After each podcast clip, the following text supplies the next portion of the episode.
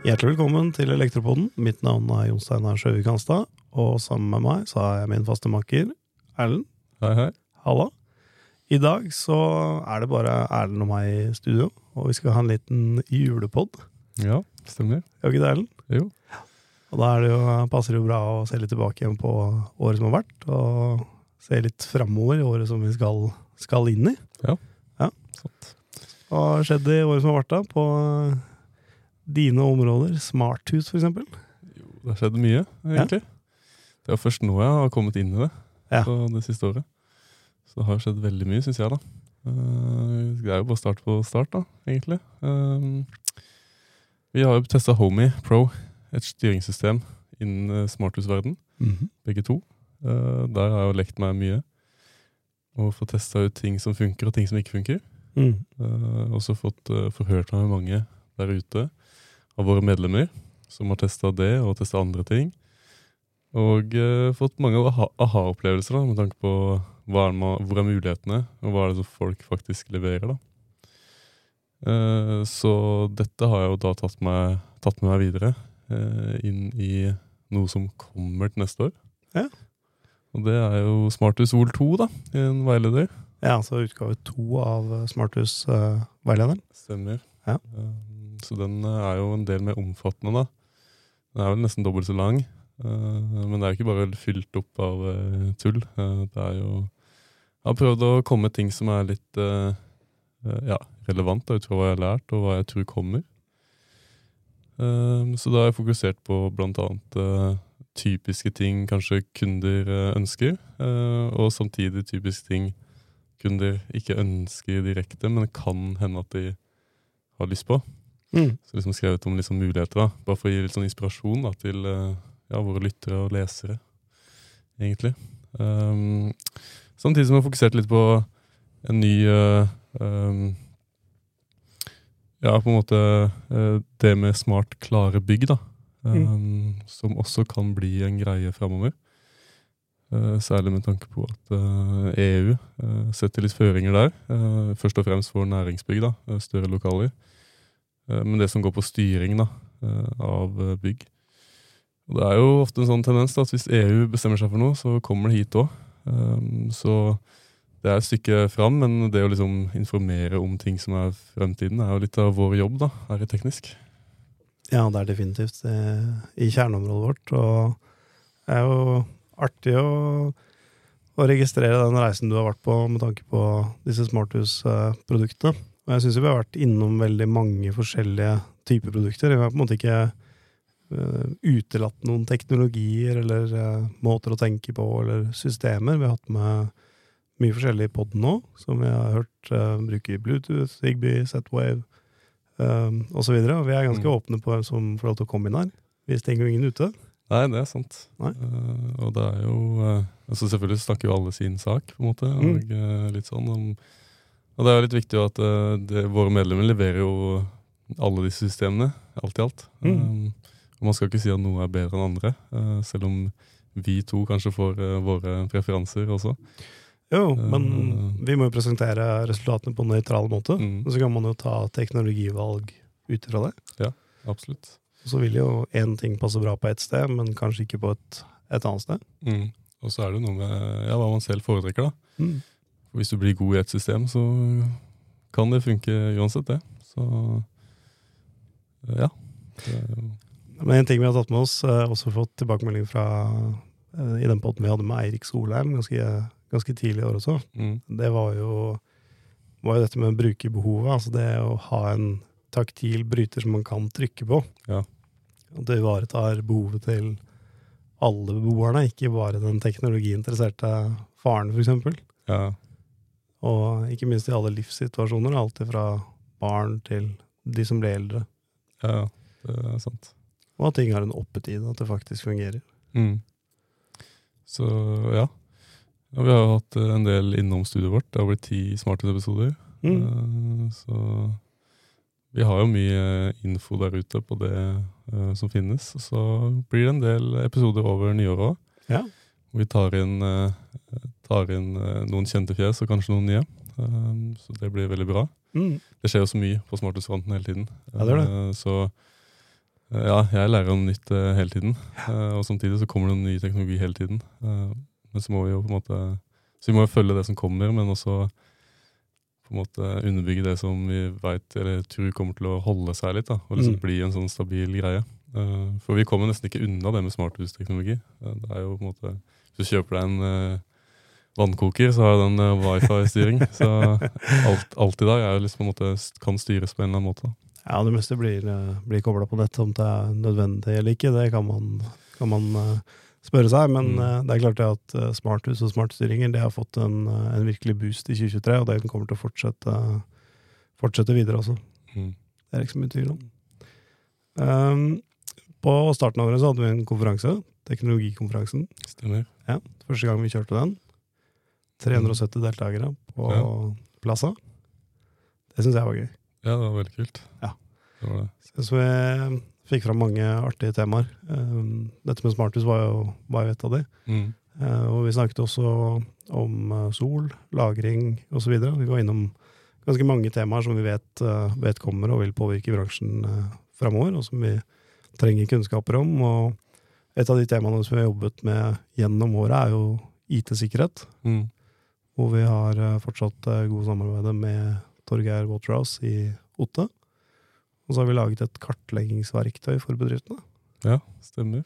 Hvor de kan gå inn på min side, og så kan man eh, velge å gjennomføre en sånn Det er laget som en spørreundersøkelse for å kartlegge IT-sikkerheten i bedriften. Og så får man en rapport på det, da. Eller en utskrift av resultatene. Så kan man jobbe seg fram og øke da både fokuset og kvaliteten på sikkerheten i, i bedriften. Mm. Ja, Jeg er helt sikker på at uh, dette er noe vi må ha enda sterkere fokus på i 2024, 2025, 2026 også. Mm. Vi har eh, tilfeller nå av håndverksbedrifter som er, står helt i kne fordi at de ikke har hatt kontroll på IT-sikkerheten. Og vi vet også at kundene er mer og mer opptatt av det. Så elektrobedriftene kommer til å bli målt eh, også på hvor gode de er på, på dette området her. Da. Ja, absolutt. Eh, Det er jo det igjen at alt skal opp i en eller annen sky og i en eller annen nettjeneste. Da er det jo enda flere ting som er eh, utsatt. Da. I tillegg så er det jo blitt sånn at man eh, Ja, det er jo kanskje flere som eh, driver med sånn eh, type Hva skal jeg si Ikke heldige angrep da, mot folk, fordi folk er litt slappe på det. Mm. Så folk utnyttes uh, i større grad da, enn det der eh, har vært. Så man må jo absolutt liksom ta de forhåndsreglene og tenke på IT-sikkerhet, uansett om man ikke tenker at man egentlig leverer sånne ting. Mm. Så, Det er et godt poeng, og så rammer det jo veldig, veldig bredt. Så det Mm. rammer ikke deg, bare deg som enkeltperson eller deg som enkeltforedrag. Det er ofte sånn, eller foretak, mener jeg. Det er jo ofte at det rammer bredt. Mange bedrifter rammes av samme type, type angrep. Og da havner de i samme, samme skvisen eller samme klemma. mm, Og så bruker de jo et, en underleverandør som for å nå en, en annen del av næringskjeden, da. ja. Og der er jo ofte elektrobedriftene underleverandører til, eh, til større bedrifter. Mm, tanke på de tjenestene man leverer ut her, da. Og så har vi dette med AI, da, som har kommet, eh, kommet inn, i, inn i verden, holdt jeg på å si. ja. Mer og mer inn i hverdagen til folk òg, kanskje. Ja, tror det. Så, Jeg tror fortsatt det er ganske nytt for, uh, for mange. ja, det, det vil jeg også tro. Ja, men uh, det er jo en eh, det, det er jo blitt en stor greie. Mm. Og det er jo uh, Hva skal jeg si uh, Vi har vel prøvd å få det på et sånt nivå at vi må, vi må ikke bli for redda av det. Og heller se på det som et verktøy. Ja. Samtidig uh, tenke på hva vi gjør, da. Ja. Bevisst forhold til ting tror jeg er lurt. Ja. Tenk seg om. Tenk seg om ja. Jo, men altså, det er sånn litt, Det høres litt sånn flåsete ut å si at man må tenke seg om, men det er jo tilfellet at mange har jo lagt inn ting som man ikke skal på avveie, f.eks. i Google Translate. Så der ligger jo, Mm. folk legger jo inn hemmelige kontrakter og alt mulig, og oversetter fra et språk til et annet. Og det, uten å tenke da på at uh, da ligger det kanskje en kopi av det et annet sted, da, på en Mm. Google-server, f.eks. Og samme blir det med AI. Eh, Man Ja. jo, hvis man skal bruke ting som er bedriftssensitivt, så bør man jo få seg en sandbox-versjon, altså en versjon med AI-teknologi som, som ikke sender fra seg data, men, men bruker det lokalt. Da. Ja. Så det å ha en, noen tanker rundt det, det tror jeg er, eh, tror jeg er veldig lurt. Absolutt. Og så ljuger han fælt, da. Ja, det gjør den. Nei, det ljuger ikke fælt, men når den ljuger, så ljuger han godt, da. Ja, eh, jeg har eh, kommet i situasjoner hvor eh, altså Hvis du graver dypt da, i tekniske emner, Mm. hvor det kanskje ikke er så mange kilder ute, Mm. så har han sagt feil i forhold til de forskningsrapportene jeg har lest. Ja.